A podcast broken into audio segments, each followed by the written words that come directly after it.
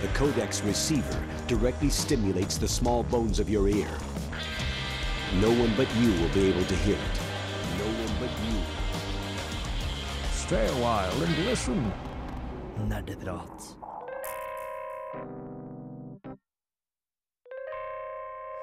Hei, hei, og hjertelig velkommen til nok en sending med Nerdeprat.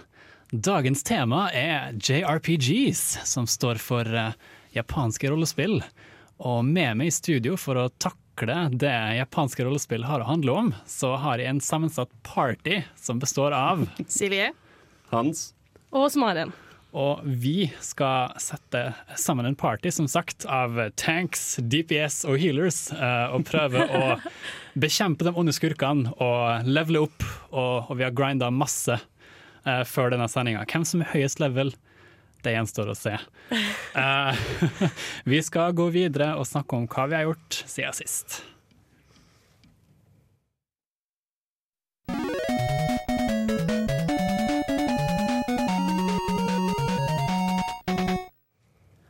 Så eh, spill vi har spilt siden sist, og da ser jeg til siden her. Uh, Silje Marie, hva har du spilt siden sist? Uh, altså, jeg har vært litt dårlig sånn siden samfunnet å spille, men jeg leste ned Pocket Rick uh, til mobilen. Yeah. Som er, det er Pokémon, bare at du er Rick fra Rick and Morty.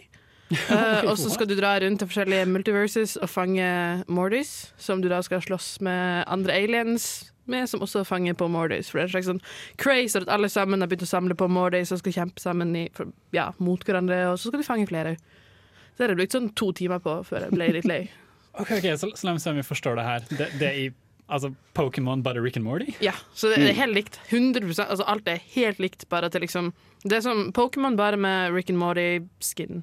Men altså, er det da Det, det er jo som regel Det Pokémon har vært kjent for, er å ha masse forskjellige Pokémons. Har du da bare masse forskjellige Mortys? Ja. eh, det er jo en, en Morty per multiverse, og du er uendelige multiverses, så du har masse forskjellige typer Mortys. Wow! Du har sånn mustache, mus, øh, mustache Morty, og så har du vanlig Morty, og så har du tall Morty, og så har du Ah. alien Morty, og så videre og så videre. OK, men, men er det liksom i Pokémon-universet som vi kjenner det, eller er det i Men det er i uh, The Citadel, hvis man har sett på Rick and Morty. Riktig, riktig. riktig. Og så drar du da fra The Citadel til forskjellige eh, multiverser. Så du går ikke rundt liksom, til Viridian City Nei, og fanger en. Mustache Morty, og så til Pewter og fanger en I don't know, tight Morty? Nei da. Jeg spilte Um. også uh, Tap Tap Fish, som også et mobilspill der du uh, tap tap, og så er det fish. ja. Wow, vel, det høres ut som du har vært veldig opptatt. Jeg hadde oppgave å skrive, så måtte du finne de mest liksom, De spillene jeg følte jeg fikk mest mulig ut av på den tida. Ikke sant? Det var Tap Tap Fish. Kan muligens være gode kandidater til uh, Steinar sin uh, mobilspillspalte en gang. Vi må tipse ham. Uh, Hans, hva er det Ja. du har spilt uh, siden sist? Du, jeg har spilt to spill siden sist. Jeg har spilt uh, XCOM 2 War of the Chosen, nye DLC-en som ble sluppet, og Valkyria Chronicles. Som et JRPG? Et JRPG! Hvilken heldig eh, tilfeldighet. uh, For å snakke litt om XCOM 2 først. War of the Chosen er en DLC som ble sluppet for uh, halvannen uke siden til uh, XCOM 2. Og det er kanskje den beste DLC-en jeg har spilt i hele mitt fuckings liv. Uh, altså, en ting er at det er en helt forbanna rework av campaignen. Uh, hvor det først er etter jeg har sittet og spilt War of the Chosen at jeg innser hvor repetitiv og ensformig campaignen i XCOM 2 egentlig var. For der er det sånn at du hadde veldig mye de samme mission typesene som dukket opp. Lite variasjon. Her har de introdusert så jævlig mye nytt. Altså De har introdusert nye soldattyper, nye mission-typer. Mission-typer som eksisterte tidligere, men som var litt sånn kjedelige. Har de total-reworket og fått til å føles så jævlig mye kulere og mer levende. Um, det er ulike factions som du nå må samarbeide med, heller enn at det kun er du mot romvesenene. De har introdusert eh, en eh, mekanikk med noen sånn zombieaktige fiender. Som kommer til å angripe både deg og eh, alien-fiendene dine. Så du må være litt sånn taktisk med hvordan du dreper dem. Om du skal kaste eksplosiver for å tiltrekke deg oppmerksomhet til dem. Altså, eh, det her høres ut som en DLC som er mer enn bare deres standard fanservice-DLC-en. Oh, ja, absolutt. Og altså, det er ikke bare Altså, det er ikke bare innholdet som har blitt bedre. Altså, det virker som om I DLC-en så ligger det en optimalisering av spill òg. Det runner så mye finere på min eh, nokså helt midt på treet, kanskje litt under gjennomsnitt gode datamaskin. eh, så er jo eksempel XCOM 2 eh, notorisk for lange lastetider. Eh, hvor du måtte sitte i eh, kanskje ja, si eh, mellom ett og to minutter på at et mission skulle laste inn. Nå er det dønn fem sekunder. Altså det er helt sinns... Jeg jeg skjønner ikke hva de har gjort, de der jævla tech wizards i uh, Firaxis. Men de har altså fått dette til å fungere så mye bedre. Det er smoothere, får høyere framerates. De har gjort spillet bedre på alle tenkelige måter. Det er en litt dyr delelse. Den koster rundt eh, 300 kroner. Men uh, fuck it, det er verdt det. Altså, for Hans, du er jo kjent for å snakke mye om XCOM. Jeg er veldig glad i XCOM. Vi hørte det blant annet veldig mye i forrige uke. Eh, hvis du vil høre han snakke mer om XCOM, hør på forrige ukes sending. Eh, da var det veldig veldig mye XCOM. Eh, vi skal gå videre til å snakke om hva vi har gjort eh, spilt siden sist. Eh, men før det så skal du få høre ei låt som heter Let It Slide av Freedom. Du hører på Nerdeprat, og jeg håper du nyter dagens sending om JRPGs.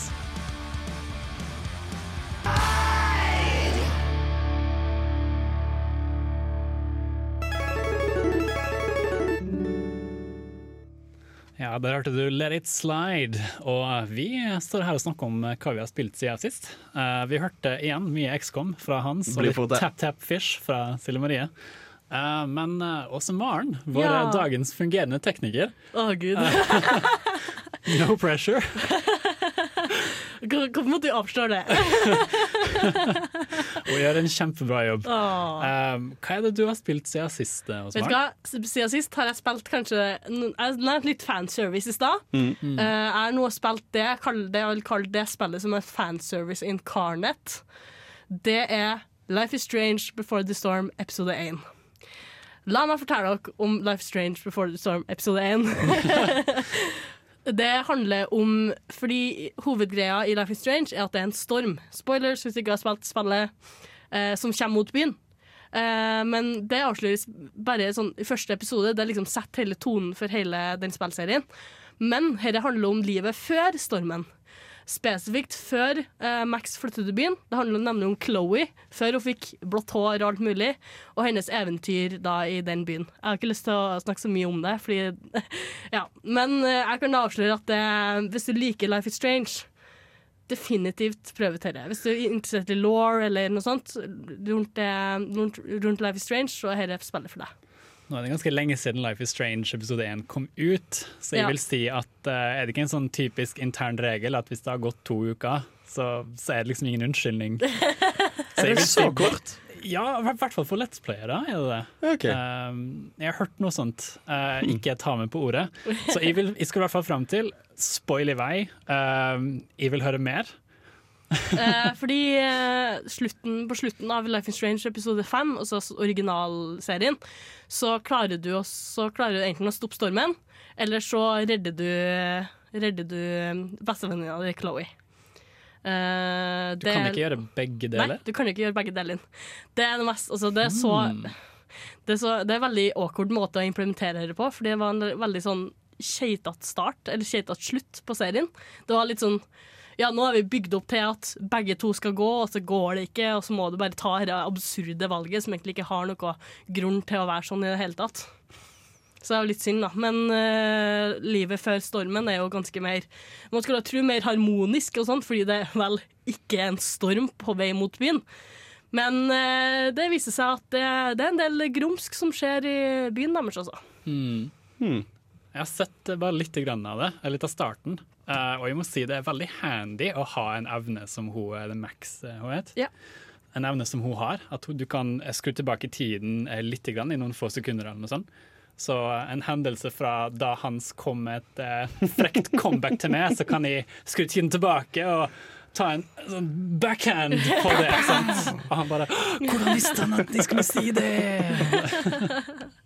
Nei, fordi jeg sitter og lurer på Jeg har sett litt videoer av Life is Strange.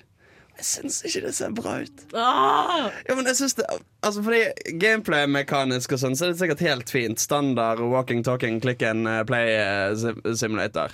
Men dialogen er så cringy. Nei, men det, Det du blir så vant til det, den er jævla cringy. Jo, men Det er sånn jævla sånn corporate fellow kids-oppførsel med sånn her Hei, fidget spinners, da. Hæ? Er ikke det fantastisk? Nei, det er helt jævlig. Det er jo veldig likt den type spill vi ser eh, blant annet eh, Vi vet ikke om det begynte med Heavy Rain, og så senere har det blitt Until Dawn, hvor du skal gå rundt og alt som har med dialog og moralske valg å gjøre. Stemmer ikke det? Ja. Altså, det handler om valgene du tar, og de valgene du tar, har eh, implikasjoner for resten av storyen. Hvordan den går og ja. Blant annet kan du redde ei eh, redde ei jente fra selvmord hvis du bare utforsker rommet hennes nok, og kommer med referanser til det. Eh, veldig Ja. Jeg så Nirvana-plakaten din. Eh, Du skulle ikke revurdert dette. Basically. Det er sånn Ja, men jeg Du, du får sånn dialogue option som kun er tilgjengelig hvis du har sett på en ting. Så for eksempel hvis du har sett på brevet og fikk faren, så får du et sånn Ja, men det er flere som bryr seg, og Nei, men eh, jeg leter etter bevis, og bla, bla, bla. Og så Wow. Ja. Så anbefaler jeg hvis du liker Life is Strange. Hvis du ikke liker det, så vet jeg ikke om det er noe for deg, Hans. Vi har fortsatt litt tid igjen, så la meg fortelle dere om eh, Nå har Ja, jeg spilt noe siden sist, siden jeg er en opptatt student. Men la meg fortelle om den gangen jeg spilte Pokémon, fordi jeg har spilt Pokémon en gang. uh, og jeg kan snakke litt om det. Jo, fordi jeg prøvde å lage en liten sånn Let's Play en gang i min uh, YouTube-karriere. Nei da, det var ikke en karriere, men jeg, eh, jeg tok faktisk opp sånn to-tre episoder og la det ut på en kanal for lenge, lenge siden. Åh, Um, finnes det en, da? Men nei Oh. med en veldig crappy mikrofon og alt mulig rart. Uh, det var kjempegøy. Det hadde vært enda mer gøy hvis det ble en Nuzlocke.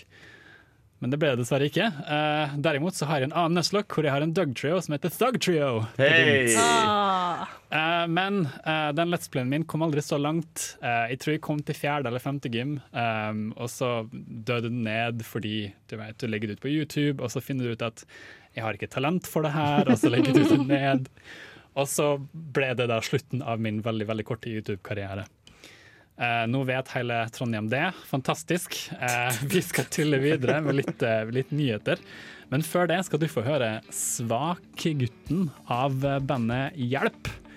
Eh, du hører fortsatt på Nerdeprat, og vi skal som sagt gå videre til nyheter som blir levert av Hans her kjent. Eh, jeg håper du har en fortsatt fin kveld.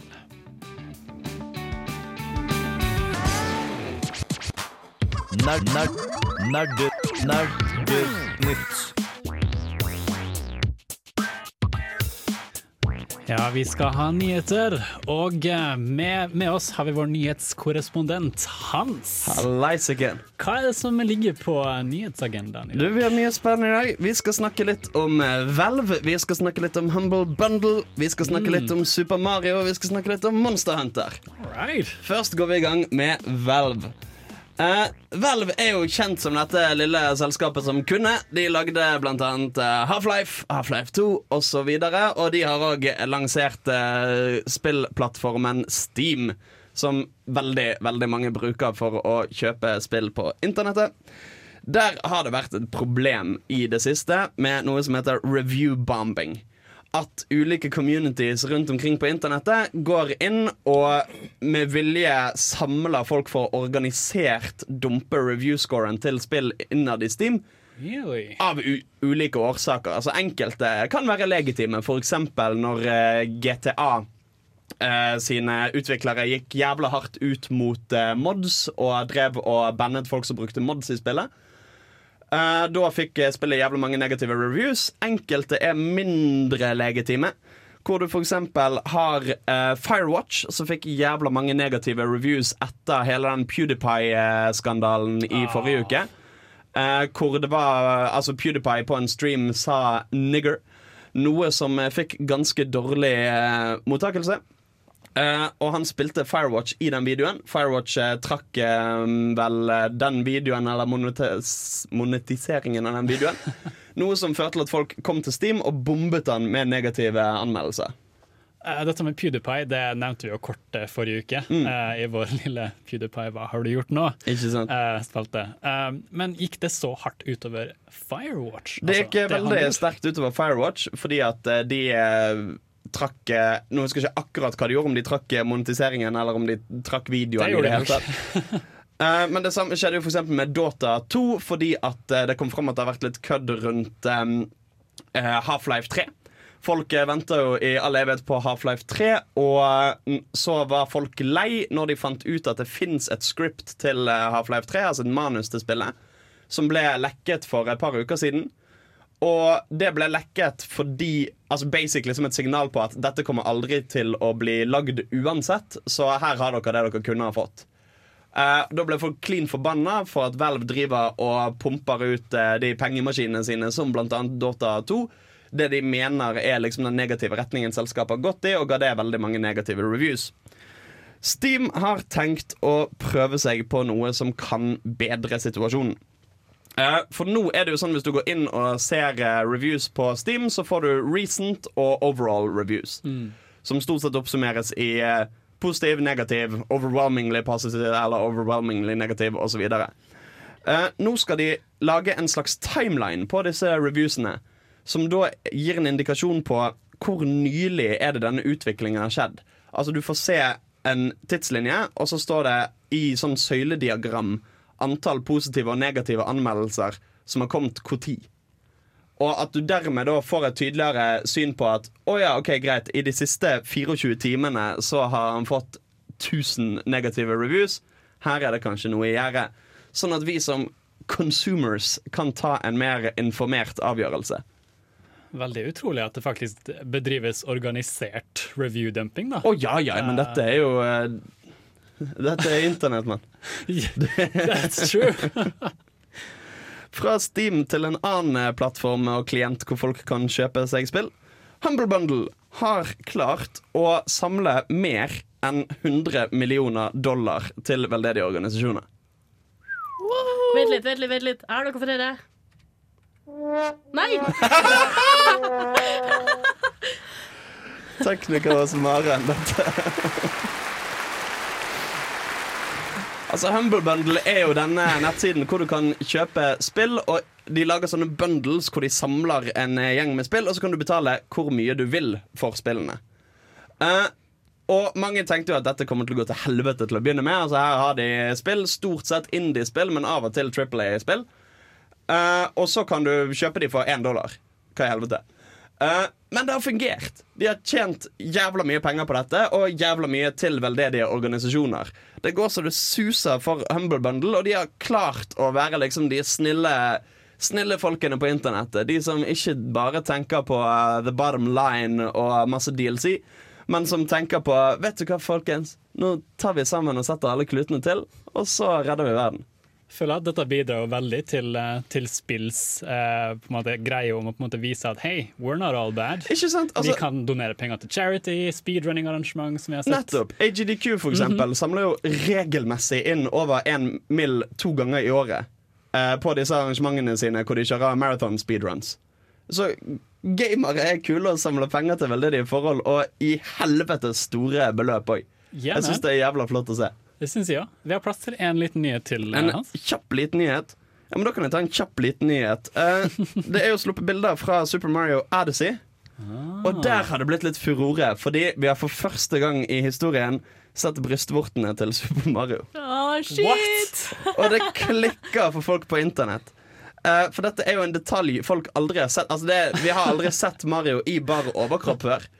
Og det er mange som har hengt seg litt opp i for eksempel ved, Det var vel en release på en Gameboy SP en gang. Hvor han hadde noe sånn tribal-tatovering på skulderen. Den er borte. Uh, så en driver og diskuterer litt sånn kontinuitetsgreier. Er, skal dette forslaget være en tidligere Mario? En litt yngre Mario, kanskje? Som ikke har vært så mye ute på den edgy siden av livet. Ikke klart å tatovere seg ennå. Så det, det går virkelig inn i denne tidslinjeaspektet, da, som det gjorde med Zelda. på en måte. Ja, ja, ja. Nå begynner Mario-spillene å falle inn i samme Folk har også hengt seg opp i Tilsynelatende ser det ut som Super Mario ikke har en navle. Og er det fordi Det er litt uklart på bildet om det er fordi han har badebuksene så mye trukket opp, eller om han rett og slett ikke har en navne. Kanskje, kanskje Super Mario ble født ut av et egg? Hvem vet? Kanskje Mario ble født ut av et egg. Hva kom først, Mario eller tatoveringa? Det er ikke lett å si. Eh, vi skal gå videre med en liten låt som heter 'Wonderfault', og går, kommer fra Great News, før vi går videre til mer nyheter her på Nerdeprat.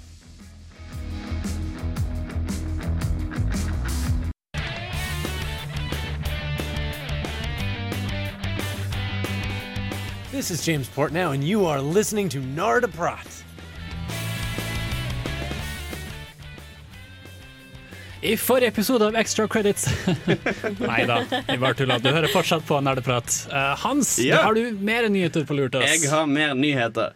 Um, I de siste par årene så har jo en uh, liten sånn snever spillsjanger slått virkelig an, nemlig Battle Royale-sjangeren. Ja. Uh, med spill som The Culling og H1Z1 King of the Kill så har det slått veldig an med disse spillene hvor du blir plassert midt i en stor, åpen verden og må samle eller crafte våpen som du skal bruke for å drepe de andre og være the last man standing.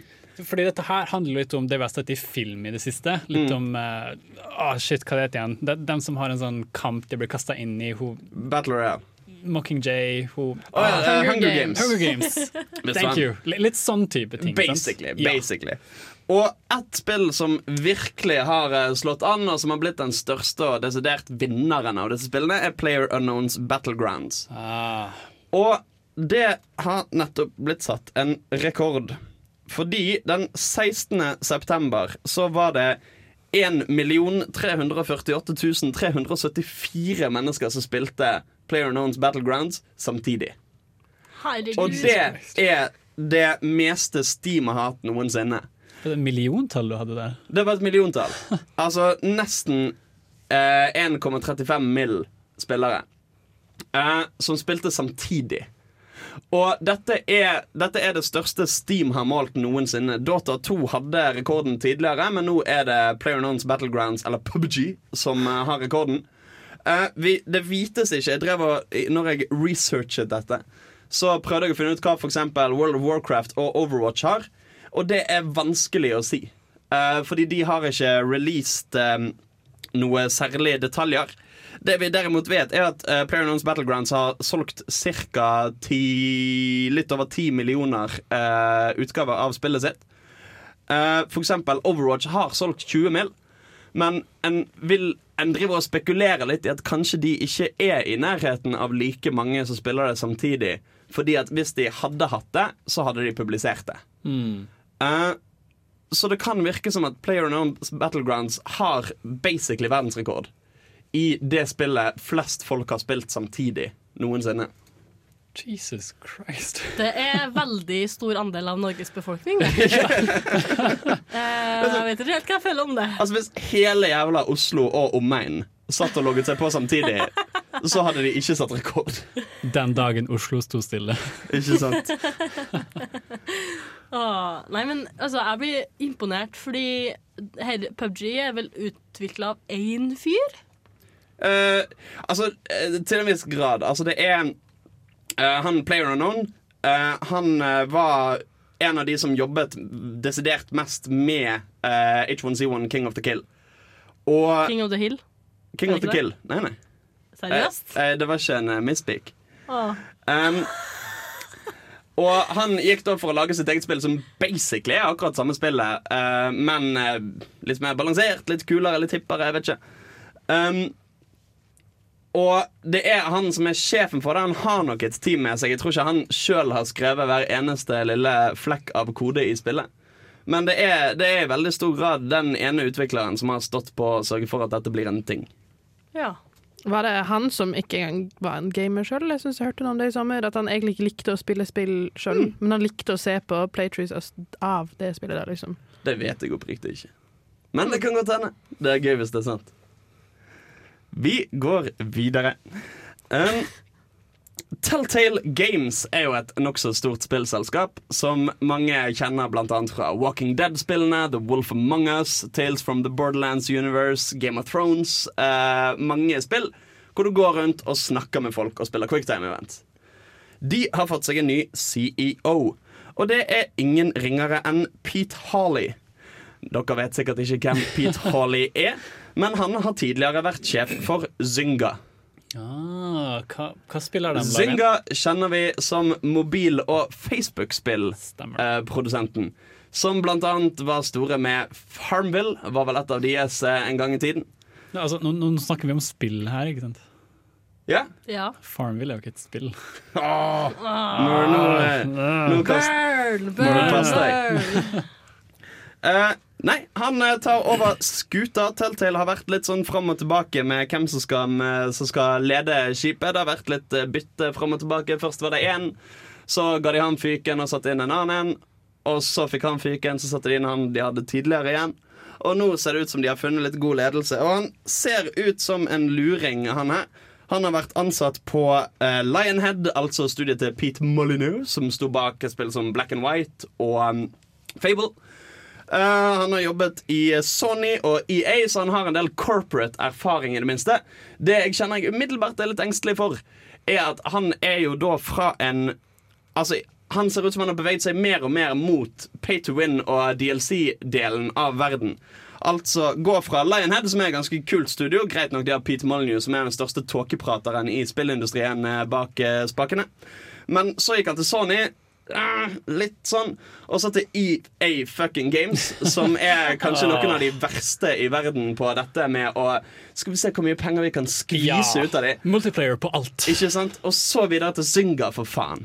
Til mobilspill og den typen spill hvor alt handler om å trekke hver minste bidige krone ut av spillerne.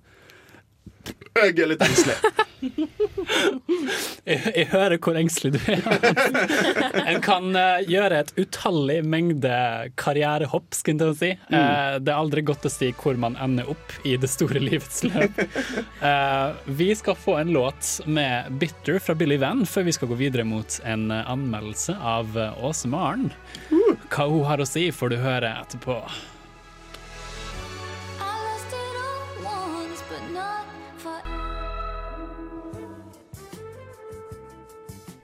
Forskning påviser at ti av ti italienske rørleggere blir tilfredsstilt av nerdeprat på Radio Revolt.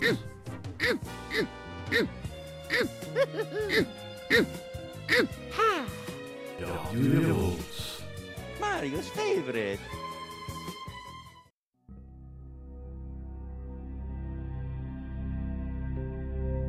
Min hovedkritikk av Gone Home og all dets ja, hva vi skal kalle det, avkom, er den nesten hemmelige mangelen på folk. Spillet handler om kjærlighet, sex og familie, men til tross for at du leser et par dagbøker og kuriosa i et skikkelig bra imitasjon av en amerikansk 90-tallsheim, så snakker du aldri med folk. Det virker som spill generelt vil unngå det å ha folk på skjermen. De vil ses på som human, som er grunnen til at du får alle disse brevene i The Rester eller monologene i Sunset og snakkende spøkelser i Everybody's Gone to the Rapture. Men de er ukomfortable med å vise en faktisk samtale mellom folk. De påstår at det er fordi folk er vanskelig å animere, men det virker mest som en halvsannhet. Dersom du kan bygge en faksimile av en rustikk engelsk landsby eller en forstadsheim, er iallfall en 3D-modell av folk mulig. Tacoma har heller ingen levende som i foran deg og snakker til deg folk heller. Hologrammene er enda et eksempel på spill sin nesten opportunistiske tendens til å unngå folk. Men Tacoma er enda mindre fiksert på ting enn det er på folk. Her er problemet jeg har med alle spillene jeg har nevnt. Med eller uten vilje impliserer de at du kan vite alt om et menneske gjennom å romstere gjennom tingene de eier. Jeg kan ha ranta om at spill er en del av en materialistisk kultur. Altså at et spill sin suksess måles i salg, progresjon i Call of Duty måles i antall våpen og skins en har, det å bli sterkere Gud vet hvor mange spill krever at en samler på all slags mulig dritt.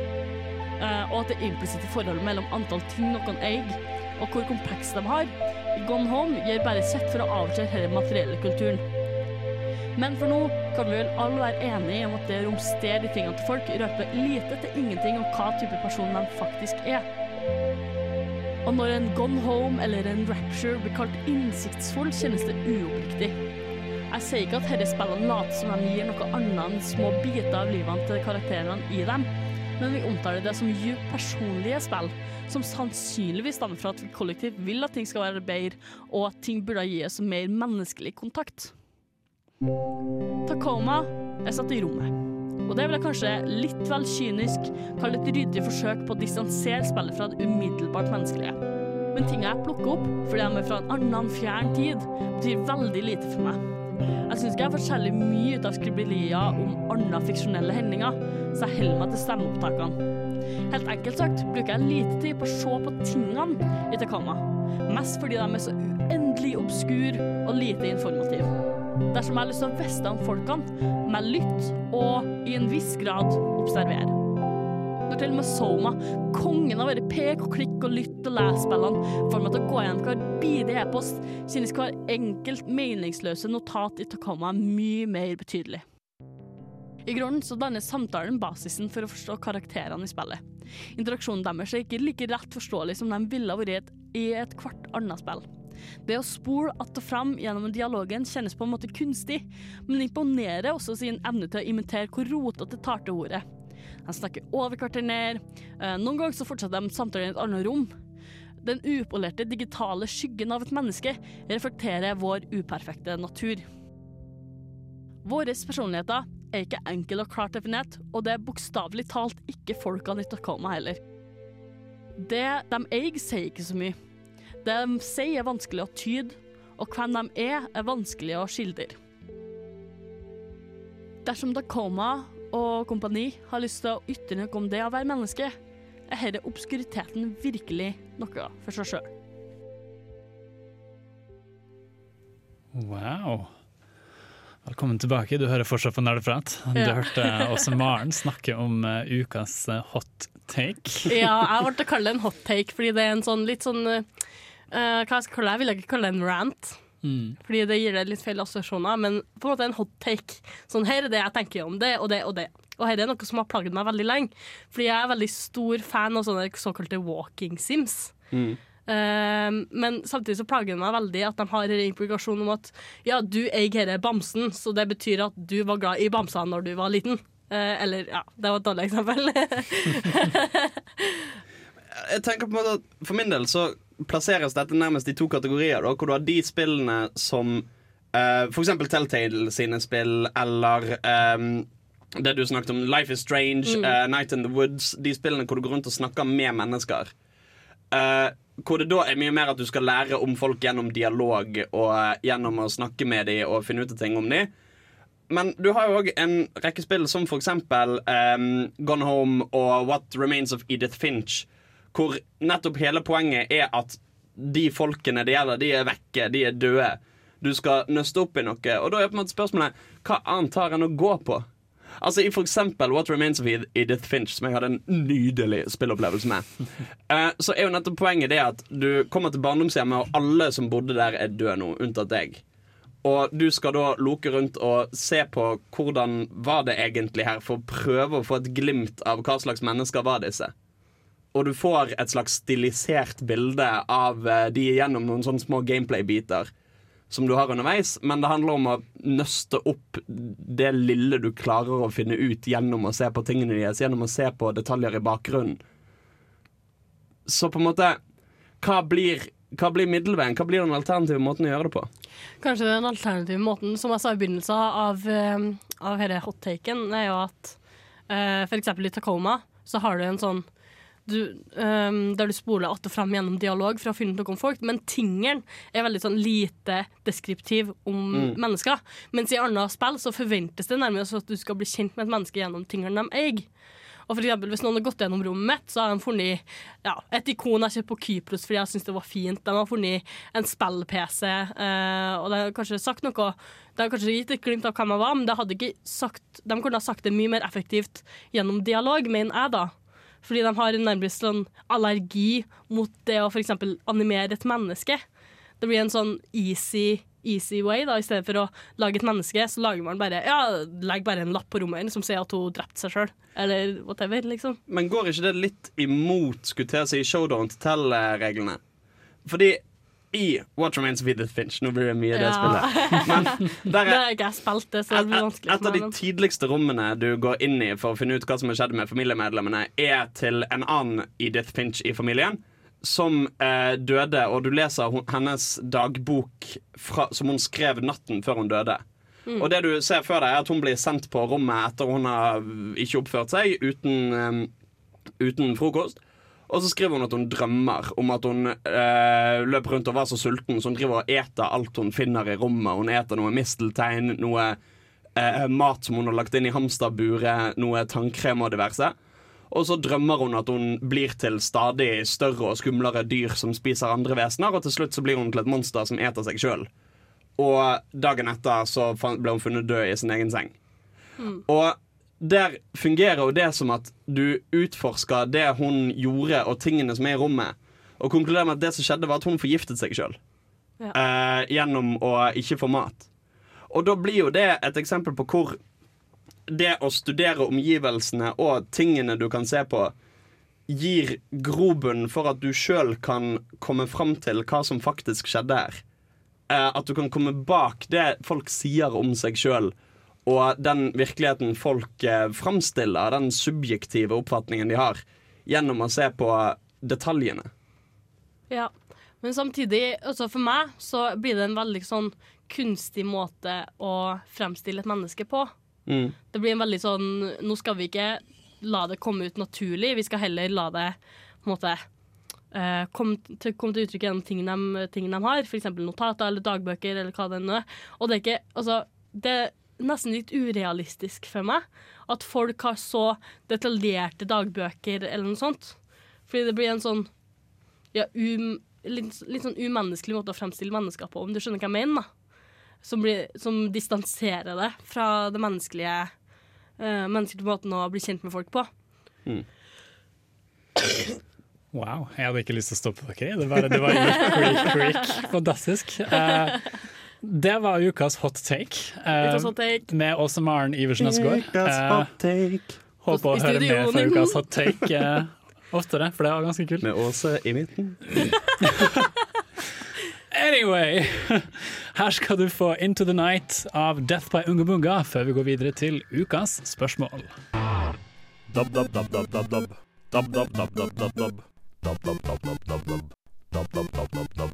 Nerde pratar på DAB-radio. DAB-DAB-DAB-DAB-DAB-DAB.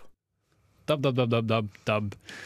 Og eh, nå på Nerdeprat skal vi ha det beryktede ukas spørsmål, som skjer hver uke. Eh, og vi hadde egentlig gitt den jobben til en, noen som skulle være gjest i dag, men hun kom dessverre ikke. Men vi har spørsmålet, så det jeg har lyst til å stille til dere, er hvilken spillverden ville dere helst eh, ha levd i? Har allerede et svar, og det er ikke Da, da går vi den veien. Ja, og det er ikke Pokémon. Fordi Se for deg en verden der alle dyrene er Pokémon, sant? Og det Mm. høres veldig fint ut. Og du har offentlig gratis helsetjenester og sånn. That's true. Eh, men disse dyrene blir konstant fanga og satt til å liksom drepe hverandre. Mm. Eh, det blir jo en slags sirkus på steroider, da. Ja. En sånn gladiator eh, med, av kids. Det er kids som gjør det der. Her er en sånn coming of age-greie. Altså, det er jo hanekamp, basically, bare med uh, spesielle dyr. Og du har det at kids blir opplært ikke bare til at uh, dette er det du skal gjøre fordi at hele jævla økonomien vår baserer seg rundt Pokémon og folk som slåss med Pokémon, men òg at dette er greit. Det er fint at Pokémon slåss sammen. Uh, så de blir liksom conditioned da, til å tenke at dyr er ment for å slåss med hverandre. Eh, ikke nok med det med at det i hvert fall i det jeg husker fra TV-serien Pokémon, så antydes det jo at veldig mange Pokémon har veldig nærmt menneskelig intelligens.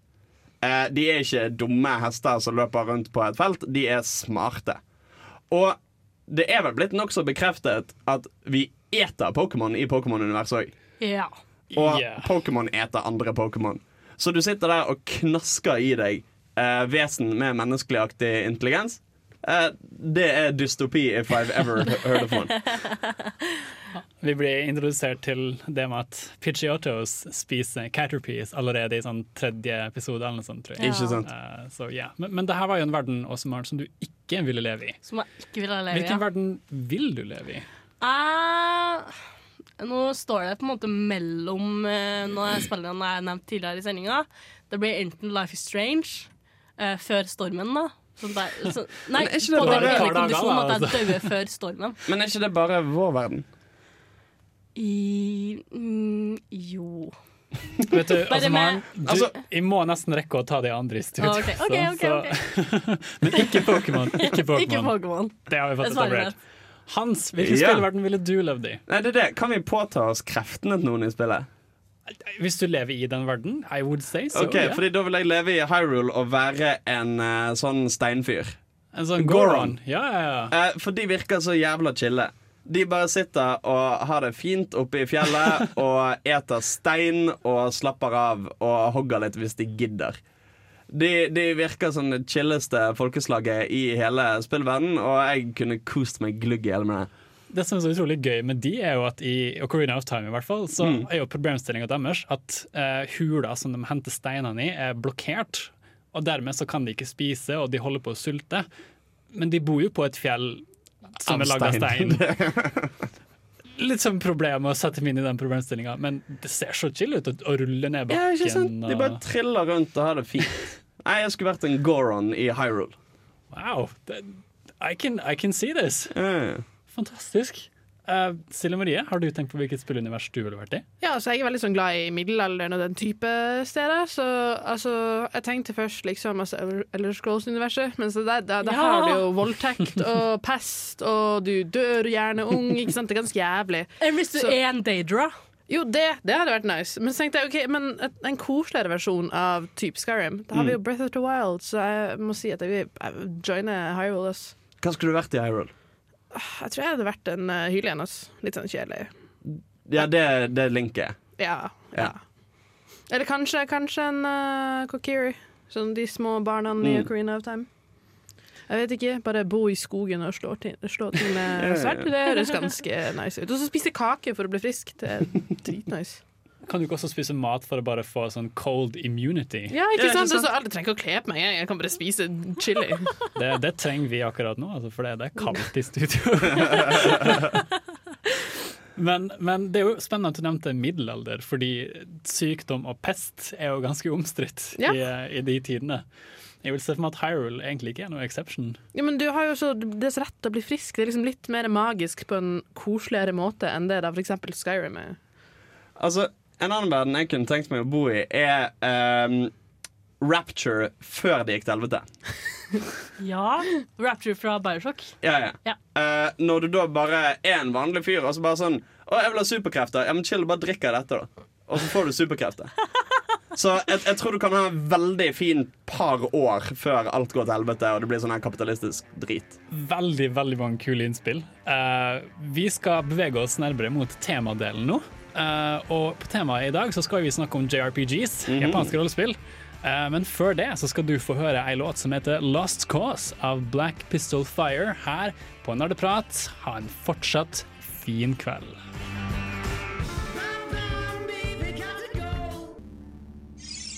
Hello? Look! Hey, listen! Ja, vi har grinda, og vi har levela opp, vi har lært nye skills, og vi har satt sammen en party her i Nerdeprat. For nå skal vi gå ut og takle det som er dagens tema, og det er JRPGs, nemlig japanske rollespill. Jeg har spilt masse JRPGs, Silje Marie har spilt Spille Final Fantasy når jeg var sånn ti. I mean, it, Didn't we all? it, it counts. Uh, Hans har spilt Valkyria Chronicles og Ja. XCOM. Og jeg har spilt et par Final Fantasy, grann. right, mer Final Fantasy. Åse Maren har spilt Final Fantasy. Masse Final Fantasy. Det her ser veldig lovende ut. Uh, vi skal varme opp med en liten JRPG-låt. Her skal du få eh, en um, Persona 5-låt som, heter- som heter Life Will Change. Uh, Persona 5 er jo et spill som eh, følger Shin Megami Tenseis eh, seriens avbrekk, da, for de har jo egentlig fokusert på Shin Megami Tensei-spill, men så lagde de Persona 1, 2, 3, 4 og 5, og det ble så populært eh, at de har kommet så langt. Nok prat fra meg. La oss høre Persona 5, Life Will Change, her på Nerdeprat.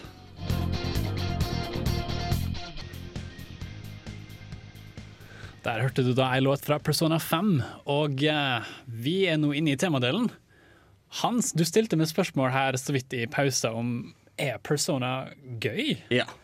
Uh, og jeg kan jo så vidt begynne å snakke om det her, fordi det inngår jo litt i, i temaet vårt nå. Hva er et JRPG? Uh, og en kort forklaring fra min side da, om hva et JRPG er for noe, er jo på en måte uh, et rollespill. Du har leveling, Eh, du har eh, diverse karakterer du skal følge. Og det går gjerne inn på en sånn anime-aspekt av det, da. Uh, det er jo på en måte kalt et JRPG, uh, og det er jo et stedsbestemt Mm. uh, ord der. Japanske rollespill. Det er jo ingen som sier at vi har amerikanske Altså, det finnes jo, men de kalles, ikke, de kalles ikke amerikanske og franske rollespill. Men JRPGs in general er stedsbestemt, for some reason. Um, kan snakke litt mer om det, men kort for å svare på spørsmålet ditt om er Persona gøy. Ja, jeg syns det er kjempegøy. Du har denne balansen mellom high school life og defeating demons by night. Eh, og i hvert fall for min del, da, som har spilt mest av Persona 3, så er jo det her at du, du begynner på en skole, du skal bli møtt med, du skal bli kjent med mange folk, uh, og du kan uh, bygge en social link med disse forskjellige personene du møter. Og forholdene til disse folkene vil påvirke hvilke demoner du kan på en måte tilkalle. Da. Altså, hvor sterk du blir i denne natteverdenen da, når du blir introdusert til et stort, ondt tårn som du må skalere og komme til toppen av før et visst tidsrom. Mm. Ellers så vil verden ende. uh, and you're all fucked. Um, så de har en veldig fin balanse der, da. Nå vet jeg ikke hvor mye du vet om Persona. Ingenting. Ingenting. Men jeg kan da snakke litt mer om hva JRPG er. Fordi, som jeg sa, er dette stedsbestemt JRPGs uh, in particular. Og litt av grunnen til det er jo at um, Japan, altså rollespill har jo på en måte blitt sin greie både i Amerika, altså i Østen, Mm. Vesten. Vi er vest. Vi er vest. Vi, vi og Amerika er vest. altså er øst. There you go. Uh, vi har fått vestlige og østlige på en måte, versjoner da, av rollespill. Eh, og JRPG ble på en måte sin egen greie, Mm. uh, slik jeg forsto det. Sett litt på extra credits. um, og litt av uh, selve hovedforskjellen, da, som vi kan gå mer inn på etterpå, er jo dette at japanske følger mer en cast av karakterer veldig tett, og, og plottet rundt dem, mens i østlige som amerikanske. ikke sant? Vestlige Det her bare så vi helt ut.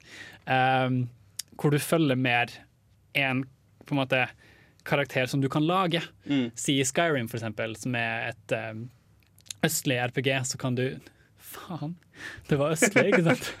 Amerika er vest. Fordi vest er venstre, øst er høyre. Riktig. Ah, Tenk vestre, venstre, høyre, øst. Ja, og så står vi på en måte speilvendt mot hverandre i studio, så da blir det En- mer sånn.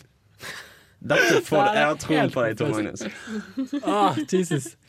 Um, helvete. Uh, hei, folkens. Jeg er programleder, og jeg får helt jernteppe nå. Altså, det Men ja, takk. jeg i hvert fall har merket, er at altså våre Altså, De rollespillene som produseres her i Vesten, er jo mye mer actionorientert, virker det som. Ja.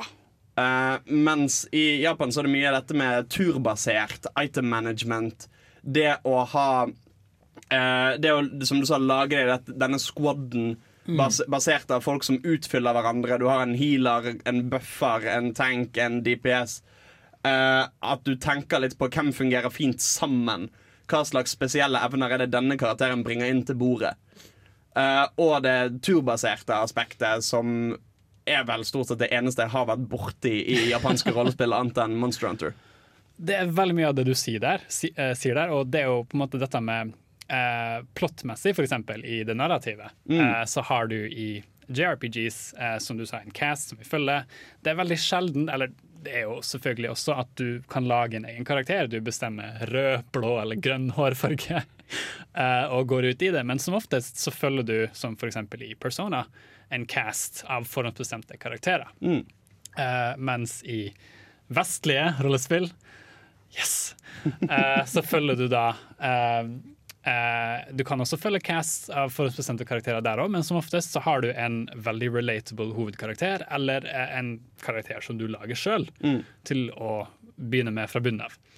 Eh, vi skal gå litt mer inn på hva et JRPG er etter ei låt. Her skal du få Starbomb.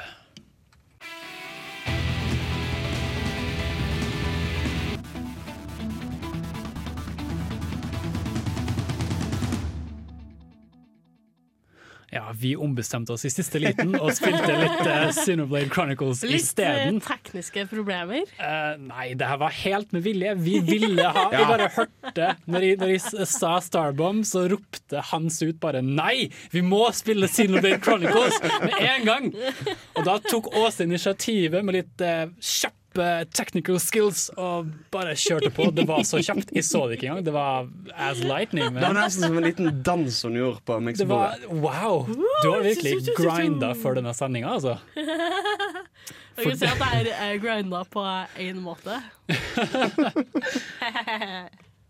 Sex. Vent litt, vent litt. vent litt Jeg har noe for dere. Jeez. Som dere hører, har vi det veldig koselig her i Nerdeprat studio i dag. Uh, og jeg bare burde, burde vel si kort, for de som ikke vet hva grinding entails, I guess, for dummies. Eh, Altså, noens mødre eller fedre kan jo høre på. Uh. Grinding er når du ser at kiden din sitter og kjemper mot samme fienden i et spill om igjen og om igjen og om igjen, og du lurer på hva hensikt har det her. Jo, du får noe som heter experience points, du får mer levels, du blir sterkere, og dermed så kan du bli sterk nok til å ta en boss du kanskje syns var vanskelig, eller whatever. Så, JRPGs. Vi gikk jo litt inn på forskjellene kort her mellom østlig og vestlig, hvor vestlig er Amerika og østlig er Japan. Eh, Hans, ville du utdype litt på det? Ja, altså Det som virker for meg som en av de grunnleggende forskjellene her, er jo at vestlige rollespill har grobunnen sin i pen and paper games og tekstbaserte spill. Hvor det handler om at altså du, som deg, Nettopp, nettopp. trer inn i en rolle. Du spiller denne utvalgte magikeren som skal bekjempe motstanderne. Du velger hva du skal si i møte med disse motstanderne. Du skal basically ha veldig stor innflytelse på hva du kan gjøre. Altså I tidlige spill som f.eks. de tidlige Fallout-spillene, så er jo dette en stor del av det. Du bygger deg en karakter, du velger hvilke stats du skal ha. Og ut ifra det så kan du gjøre ulike ting i møte med de ulike questsene du møter på. Mens i japanske rollespill så er dette noe du får på forhånd. Altså De har det samme med byggingen av karakteren. At du kan eh, bestemme deg for eh, litt hva skal rollen til denne karakteren være. Men mye er fast. Mye av storyen er fast. Eh, en har lite valgfrihet der. Det var litt spennende det du sier der, men jeg vil faktisk argumentere litt imot Oi, oi, at, oi! at eh, du har eh, på en måte like mye moralske valg veldig ofte eh, på begge sider. Men forskjellen er at i vestlige så følger du, som du sier, én karakter, fordi det er på en måte der de rotfester seg, mens i østlige da så har du f.eks. i Persona, da, som vi nevnte ganske kort, eh, veldig mye valg, eh, men forskjellen er hvem som utfører valgene. Hvor i vestlige så har du din karakter, mens i østlige så har du da dette castet du følger. Jeg vil jo også si, altså I min erfaring med japanske rollespill, som, som vi har etablert, er ganske mangelfull, tross alt, så virker det jo som det er mye mer binært. Altså, Det det. altså I Fallout så kan du ha typ åtte-ti forskjellige innfallsvinkler til et Quest. Om du vil være sneaky, om du vil snakke deg gjennom ting, om du vil fighte deg gjennom ting. Hvilken side i Mm, konflikten så- du har lyst til å stille deg på. Jeg tenkte Eh, mer sånn uh, moralske choices. Nei, nei, nei. eh, Altså, altså da, i, da er vi på. I de gode vestlige, hvor du faktisk har påvirkning på uh, verden i det, så er det jo sånn at når du møter et Quest, så er det jo egentlig bare en situasjon. Det er en konfrontasjon som du skal blande deg inn i. Men det er opp til deg hvilken vinkel du blander deg inn fra. Absolutt. Hvilken side i konflikten du har lyst til å velge. Hvordan du har lyst til å gå fram for å løse det. Og mye underveis inni det òg. Men da, da er jeg med, fordi jeg trodde vi snakka om moralske valg ikke sant, som man gjør underveis, som påvirker endingen, altså whatever, sånne ting. Oh, nei, og, og da er det jo mye av det samme. Men det er jo helt klart, der vil jeg også si at vestlige Mm. helt klart Trump-østlige. Uh, Og så, så har du dette tydeligere actionfokuset da i uh, vestlige spill, som eksempel Skyrim, uh, som seinere Fallout-spill. Eh, hvor det handler mer om skills, det handler mer om å sikte riktig og treffe og blæste på med noen granater, heller enn at du skal um, eh, Heller enn at du skal bruke eh, taktikk og liksom plassere deg riktig på, uh, Tenke på alle mulige sånn Hvem står fremst, hvem står bakerst i partyet. Sånne ting. Uh, og det er jo òg en ting jeg har merket i forskjell mellom vestlige og østlige spill generelt. Denne innfallsvinkelen til turbaserte ting. Uh, det virker ofte som om Japan eksperimenterer veldig mye mer med den turbaserte modellen. Uh, jeg er jo veldig fan av turbaserte spill. Jeg har jo snakket i hjel om XCOM. Eh, men der, er jo, der handler det om optimalisering. Finne de beste stratsene med det du sitter til rådighet med. Men jeg føler i japanske så er det mye mer ting som står utenfor din kontroll der, eller som er litt mer lite intuitivt å forstå helt rett på der. Altså For eksempel i Final Fantasy 7 så hadde du dette med at det var litt real time, litt ikke real time oppå hverandre. Eh, for eksempel Valkyrie Chronicles, som jeg ikke likte. Um, så har du det med at når du går rundt, så blir du skutt mens du går. Ja. Som virker jævla weird for meg, fordi alle døde når jeg skulle prøve å posisjonere meg. Uh, det, det, det virker som de prøver å finne en slags mellomgrunn mellom turbasert og realtime. Mm. Og jeg vet ikke om jeg vil si at det alltid fungerer så bra. Wow. Vel, jeg vil høre mer om Valkyria Chronicles etterpå. Eh, det var et spill som jeg lånte til hans uh, i forberedelse på denne sendinga. og jeg håper jo at det var noe som var veldig likt XCOM, og at det var derfor at du derfor ville like det. Nei. Nei. Men det skal vi komme tilbake til. Det skal vi komme tilbake til. Uh, det blir veldig mye mer prat om uh, det vi snakker om nå. Uh, vi skal få litt Starbomb, for nå vil vi heller høre Starbomb nå etterpå isteden. Og her skal du få dobbellåt med It's Dangerous To Go Alone, etterfulgt av The Simple Plot of Final Fantasy 7.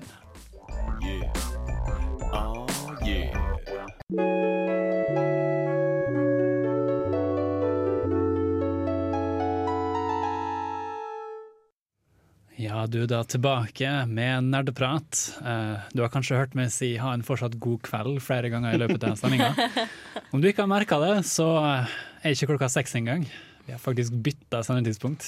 Kanskje glemt å nevne det. Det er kanskje en god idé. Men hvis du hører på oss nå, så hei, you're on the right time. Eh, litt sånn RPG-games uh, vi har spilt uh, sjøl. Altså, jeg har jo masse jeg kan si her, Mm. men jeg nevnte jo kort at jeg hadde gitt hans Valkyria Chronicles Riktig. eh, med hensikt å få litt tilbake. Og du har nå spilt litt av det og har en formening om det. Ikke fan. Ikke fan. Eh, Fortell meg why. Altså, jeg vet ikke. Jeg syns det er feil måte å gjøre turbasert på. Fordi det blir en slags blanding. sant? Altså, det blir For det er jo egentlig ikke helt turbasert. Det er nettopp det. Altså, jeg, jeg spilte et stykke, og så tenkte jeg ja, OK, dette går greit. Det er litt grunt, kanskje, men helt OK. Og så kom jeg til første mission hvor du får tank. Og så skulle jeg holde et område. Og da Altså, jeg vet ikke, for de har en sånn rar mekanikk hvor i Altså, reaction fire er jo eh, et element i mange turbaserte spill av den typen, hvor det handler om at du skal posisjonere deg steder. Og så kan du sette opp soldatene sine sånn at når motstanderens soldater beveger seg, så kan dine soldater reagere i deres tur og fyre tilbake på dem. Men det virker så jævla OP i eh, Valkyrie Chronicles. Fordi motstanderen hadde noen sånne maskingeværsoldater. Så jeg skulle prøve å krysse gaten, og min soldat døde på vei over. På vei over. Mm. Og så tenkte jeg ja, ok, greit, da skal jeg prøve å skyte han først. Og så satte jeg mine to andre soldater på han, og de tok kanskje en tiendedel av HP-en til den soldaten. Eh, det, det virker så jævla ubalansert. Greia var vel, uh, Jeg vet hvilket oppdrag du snakker om, uh, og her hadde du en fiende som sikkert var en shock trooper, Mm. hvor du satt der med tre scouts. Og greia er jo at scouts de tåler jo ingenting. I tillegg så har du da denne shocktrooperen som går vel ned i en slags forsvarsposisjon bak disse sandbagene eller noe sånt. Ja. Uh, og da er det veldig vanskelig å skade han. Jo, men det, jo, for det er en annen ting. Fordi Det virker Mm. som de er en slags blandingsting mellom hva som gir mening strategisk, og hva som gir mening actionmessig. Mm. Fordi uh, i XCOM, som er et spill som er verdt å sammenligne dette med, så er det jo veldig tydelig hva slags bonuser du får. Mm. Eh, når du plasserer soldaten din i cover, så får du beskjed om for det første hvor bra cover er. Eh, Riktig, du får riktig. vite prosentvis hvor stor sjanse det er for å treffe motstanderen basert på hva slags coverbonuser han har, og andre ting. Mens her er det mer sånn eh, Crouch der, så vi, vi lover at vi gir deg en bonus. Ja, du får ikke ja, ja. se bonusen, men, men han er der. Slapp av. Det er veldig, veldig Eh, sant. Og det gir mening hvis det er et actionspill. Altså Hvis det er typ Call of Duty eller eh, Halo eller noe sånt. For da er det jo mye mer Altså da er det prosjektiler som kommer din vei, så du må dodge. Og hvis du setter deg bak cover, så gir det mening at um, fysisk sett så kan du få en anelse av hvilken retning prosjektilene går. Men i et turbasert spill så føler jeg du må vite de bonusene. Du må vite de buffsene. Jeg tror at det skal gi strategisk mening. Jeg er veldig enig. Eh, Du får faktisk ikke se den bonusen. Du får vel en blå liten sånn firkant hvis det er til fordel, og en rød liten firkant hvis det er til, eh, ikke til din fordel. Um, og det på en måte forteller jo meg litt om, da, om, om måte hvor ikke rent JRPG Valkyria Chronicles kanskje er. At det prøver å være mer action-RPG. Jo, men fordi Den kan jeg jo på en måte synes er greit, for jeg har Kind et, of. et JRPG-spill som jeg har likt veldig godt, er jo Final Fantasy 12. Mm. Og Final Fantasy 12 gjorde jo noe nytt i dette med det at de har noe de kaller for Gambit-systemet. Eh, som gjør at altså, Final Fantasy 12 er strengt tatt turbasert, i, eh, men istedenfor at det er veldig sånn Nå er det din tur, velg hva du vil gjøre. Eh, så har alle en timer på hvor lenge det er til de kan gjøre noe neste gang. Og dette kan du programmere på forhånd. Du har slots som du kan sette inn på karakterene dine. Så du kan si at for eksempel eh, DPS-en min uh, skal angripe den nærmeste fienden han ser. Uh, og hvis han har under 50% HP, så skal han bruke en healing potion på seg sjøl. Hvis han er under 50% HP, men ikke har healing potions igjen, så skal han eh, trekke tilbake. Og så kan jeg ha en annen karakter som er angrip den samme karakteren som den gjør. Hvis, du ikke, hvis, eh, har, hvis hovedpersonen har mindre enn 50% HP, skal du kaste healing magic eh, på den. Altså Du kan programmere soldatene dine sånn at når du har en fiende-encounter, så trenger du strengt tatt ikke gjøre noe. Du kan bare la det spille. Du trenger ikke ta noen valg. Og det synes jeg fungerte dritbra. Da blir det til at du løper rundt og har en faktisk realtime opplevelse av noe du har planlagt lenge i forveien. Men den implementasjonen som Valkyria Chronicles gjorde, likte jeg ikke helt. For Jeg anbefalte jo fordi jeg trodde at dette var veldig likt XCOM, og det er det jo for så vidt. Men, eh, men jeg ser jo virkelig den På overflaten, ja. På I, overflaten, eh, ja. I dybden, nei. I dybden, nei. Uh, for Valkyria Chronicles er i hvert fall en av mine store favoritter. Uh, og det- I don't care if you don't like it. Neida, men det er alltid kult å få Nå høre. du, mer. du spiller XCOM, da, så kan vi We can do. Uh, før vi går videre, så får du litt Final Fantasy 9 Goes Rock her på Nerdeprat.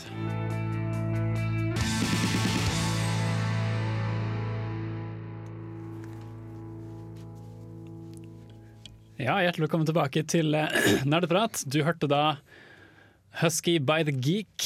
Eh, veldig kul YouTuber. Eh, check him out. Um, vi skal gå litt videre på fordommer og tabuer mot JRPGs. Og eh, Silje Marie, har du på en måte er det en grunn til at du kanskje ikke har plukka opp JRPGs? Noen fordommer rundt det som du kanskje har følt litt på? Ja, mange. Altså, det er jo fordommer. Jeg har masse fordommer mot JRPGs. Akkurat som, altså, jeg pleier å være en skikkelig weeb, være skikkelig into anime, og likte veldig tanken av JRPGs. Så ble jeg eldre, og så fant jeg ut at hei, det finnes ting som er mye bedre skrevet og mye bedre lagd enn anime. Og det samme tenker jeg da med å gå for JRPGs. Meg- altså, det er i hvert fall nyere. Sånn, jeg likte jo, jeg har jo lest og liksom sett masse gameplay av de eldre Final Fantasy-spillene frem til Final Fantasy 7. Mm. Og dem liker jeg veldig godt. Men så alle de nye altså, JRPGs, jeg har masse venner som spiller dem. Det er bare sånn massevis av småjenter i flashy farger med skjørt og tryllestaver. Det, det, For det er jo nettopp ikke det. ikke sant? At jeg tror mye av fordommene her ligger i at eh, å ja, du spiller en JRPG. Å ja, er den er fullt av karakterer med store pupper og gravity defying hair og dårlig plott, ikke sant? Samtidig. samtidig. Altså, jeg vet ikke, jeg tror kanskje en forskjell her er jo det at i vestlige RPGs så har du mye mer det at du har en verden som føles litt sånn vanlig og mundan, og så kommer det liksom en sånn eksepsjonell hovedkarakter ut av det. Mens i mange JRPGs så er alle Alle har en eller annen grov, kjip, blytrist historie bak seg. Ja, sant? Alle har en eller annen sånn eh, stor bakgrunnshistorie om hvordan Å nei, han ene bikarakteren drepte hele familien min, så jeg sverget på at jeg skulle ta hevn, koste hva det koste vil. Greit nok, jeg kan joine deg akkurat nå, men vit at dette kommer til å være det.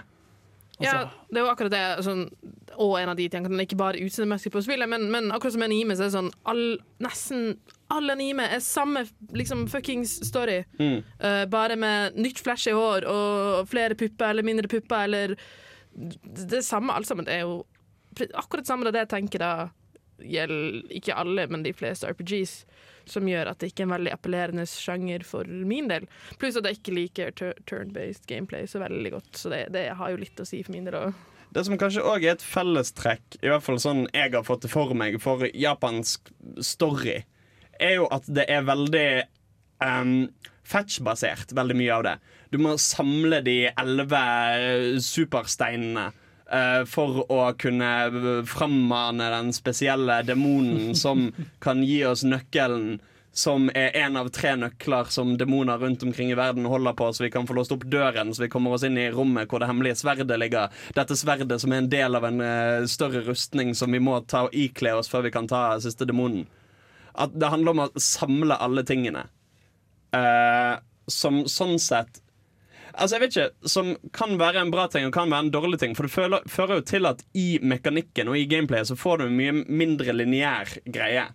Uh, at andre ting er litt mer sånn um, lineære i det at sånn Gå og snakk med han som gir deg dette, som at du kan gjøre det mot han. Altså Det er mindre sånn samle de fem, samle de tju, samle de 15.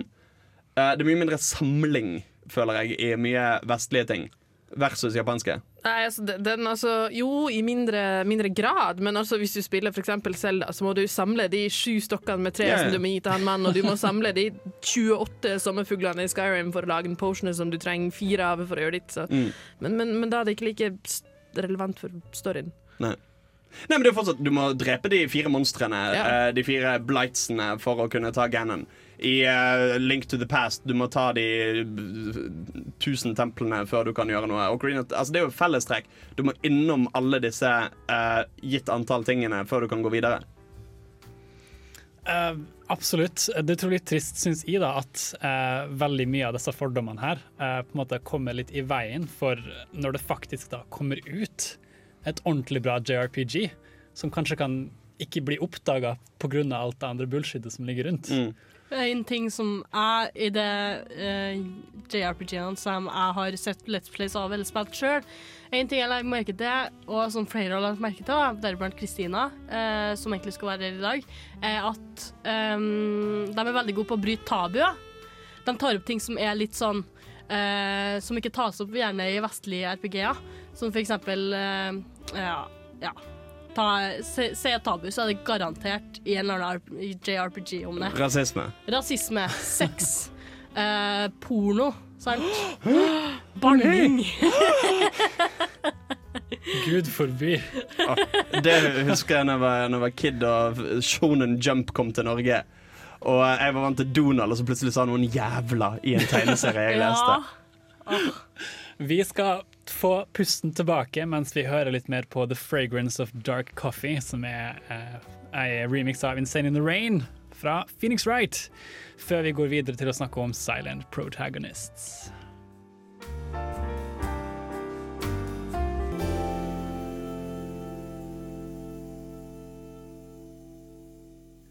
Før vi tar dagen her på Nerdeprat, så må vi få snakke litt om The Silent Protagonist. Mm. Uh, han er jo ikonisk både i østlige og vestlige uh, RPGs, men for å ta litt sånn i dag da, om JRPGs, så har vi jo den klassiske, eksempel i, i Persona, for å bruke det igjen som et eksempel, så svarer jo på en måte ikke han med mindre du velger noe, og i Persona 4 og 3 så sier han aldri noe annet enn you know, sound effects som hø, hø, hø. Men du kan velge dialoger når han skal svare på spørsmål rundt seg, eller sånne ting. Og utenom så, så får du på en måte bare dot, dot, dot. Mm. Og jeg tenker hva det her gjør. Eh, fordi én ting det gjør, som er jo helt klart, er jo at det hjelper spilleren å sette seg inn i karakteren. Jeg Er ikke helt enig, Hans? Jo, jeg er enig, men jeg syns det er en kunstig måte å skape den følelsen på. um, fordi ellers Altså, jeg vet ikke, jeg, jeg, jeg føler det på en måte Det er en litt latskap-måte fra utviklerne å tenke at jo, men her slår vi to fluer i en smekk. Vi slipper å skrive noe dialog for hovedpersonen, og så kan de som spiller, føle at eh, siden hovedpersonen ikke sier noe, så kan jeg tenke hva ville jeg sagt i denne situasjonen? Skape seg sin lille headcan om hva som foregikk her. Men jeg syns det blir noe kunstig i det, fordi at det er jo fortsatt ting som skjer. Det er jo fortsatt avgjørelser som tas av hovedpersonen, som er scriptet. Som er utenfor din kontroll. Uh, så jeg synes, føler at det blir på en måte en slags kunstig måte å late som at det er opp til uh, spilleren å tenke hva var det faktisk som foregikk her. Altså, Da, syns jeg heller det er bedre med liksom Fallout-modellen, hvor du druknes i valgmuligheter. Mm. Uh, hvor du druknes i hva kan jeg si, kan jeg, hvordan kan jeg respondere på dette. For da får du i hvert fall Altså, det skal tas en avgjørelse her, men det er opp til deg. Eh, tilsvarende i eh, Divinity 2, eh, Divinity Original Sin 2, som nylig ble lansert. Der òg er det jo sånn at når du prater med noen, så har du flere valgmuligheter, eller muligheten til å ikke gjøre noe i det hele tatt. Um, og det vil påvirke hvordan det går framover. Så jeg er ikke Jeg er ikke spesielt fan av Silent Protagonist i rollespill. I actionspill fungerer det, altså i Half-Life for eksempel, fungerer det jo kjempefint. For da er det jo lineært. Da er det jo å gå fra A til B og skyte alle romvesenene. Men i et rollespill hvor det er Altså For meg i hvert fall så burde rollespill bety at du har en eller annen form for innvirkning på dette. Mm. Du skal spille en rolle. Og da føler jeg Silent Protagonist blir litt kjipt. I vestlige så tenker jeg jo altså, det, det jeg tenkte på at the top of my mind akkurat nå, er jo Witcher. Mm. Uh, og det er vel voisa, så vidt jeg veit, er det ikke det? Ja. Men der, der har du valgmuligheter. Ikke sant? si. Men, men der er det jo kanskje mer sånn at valgene dine påvirker Mm. hovedkarakteren. Uh, mens i da, som, i, som vi snakker om, persona, la oss bare banke på det, uh, så har du da en, en, på en, en karakter som du ikke har måte vært med å lage. Du blir introdusert til han. Mm. Han er hovedkarakteren, og du følger han, men det som gjør han på en måte litt til ditt eget, da. Som vi vil også være enig i en litt form for latskap, er det at du bestemmer litt hva man skal si, og hvor man skal gå. Men der har du også, altså I Witcher, da, for eksempel, så har du jo det at du får en karakter som du ikke har laget. Altså Du spiller Gerald of Riveria, eller hva han heter. Uh, og han er seg sjøl uansett hva hvilke avgjørelser du okay. tar på forhånd. Men eh, det som er tilfellet, er at du kan spille han som du vil spille han. Mhm. Eh, for eksempel, det er et quest ganske tidlig i spillet hvor du møter en eh, prest som ber deg gå og slakte noe folk, eh, noe varulvfolk. Mhm. Og så går du der og finner ut at han presten har noe jævla sving på skogen. Det er hans feil at dette skjedde. Og så går du tilbake til han, og da kan du velge om du bare skal si Hei, jeg eh, gjorde det som du sa, kan jeg få premien min, please? Eller om du skal konfrontere han med det. Og når du konfronterer han med det, så kommer han til å prøve å bestikke deg. Eh, og da kan du velge skal jeg ta imot bestikkelsen, skal jeg eh, si fra til snuten, eller skal jeg drepe han. Du, har, du, du kan velge hvordan du vil styre uh, Geralt i disse konfrontasjonene. Mm. Og det gir for meg en bedre rollespillopplevelse. Det gjør jo det. Altså, jeg tenker bare det å faktisk høre stemmen hans, altså se denne karakteren litt sånn i live, da. Enn kontra si altså, Pokémon, for så vidt, Persona, hvor karakteren da er mer stille. Eh, så da har vi fått litt pros and cons rundt det. Eh, vi skal få en avslutning her på Nerdeprat nå straks. Eh, vi triller mot slutten. Klokka er ikke seks engang. Jeg vant at klokka er sånn ti. Men ja, ja, sånn går det når man bytter tidspunkt.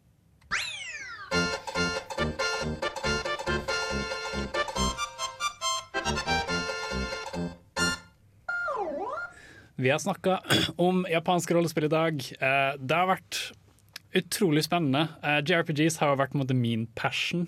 Mm. Jeg vet at ingen andre i Nerdeprat har vært særlig gira på det. Så det var liksom Yes, la oss ha en sending om det! Å, det blir dritkult, det blir dritbra, fantastisk, go for it! Um, så ja, det var fun. Uh, dessverre fikk vi ikke Kristina By med oss. Jeg vet at Hun var veldig gira, men hun ble dessverre veldig syk. God bedring, Kristina. Uh, så vi ønsker deg en god bedring.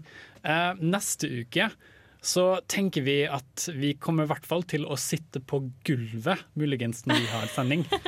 Eh, mer enn det er vi ikke helt sikre på, men vi er veldig gira på å sitte på gulvet. Stemmer ikke det, Silje Marie? Veldig gira. Veldig gøy å sitte på gulvet. Um, så med det så vil jeg på en måte takke for å ha hatt ei dritkul sending. Eh, Følg med neste uke fra fire til seks. Eh, vi har nå bytta sendetidspunkt, og den kommer til å bli en stund. Eh, så igjen, tusen takk fra meg.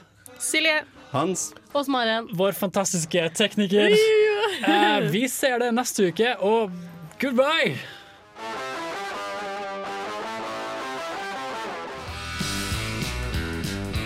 Du lyttet nettopp til en podkast fra Radio Revolt.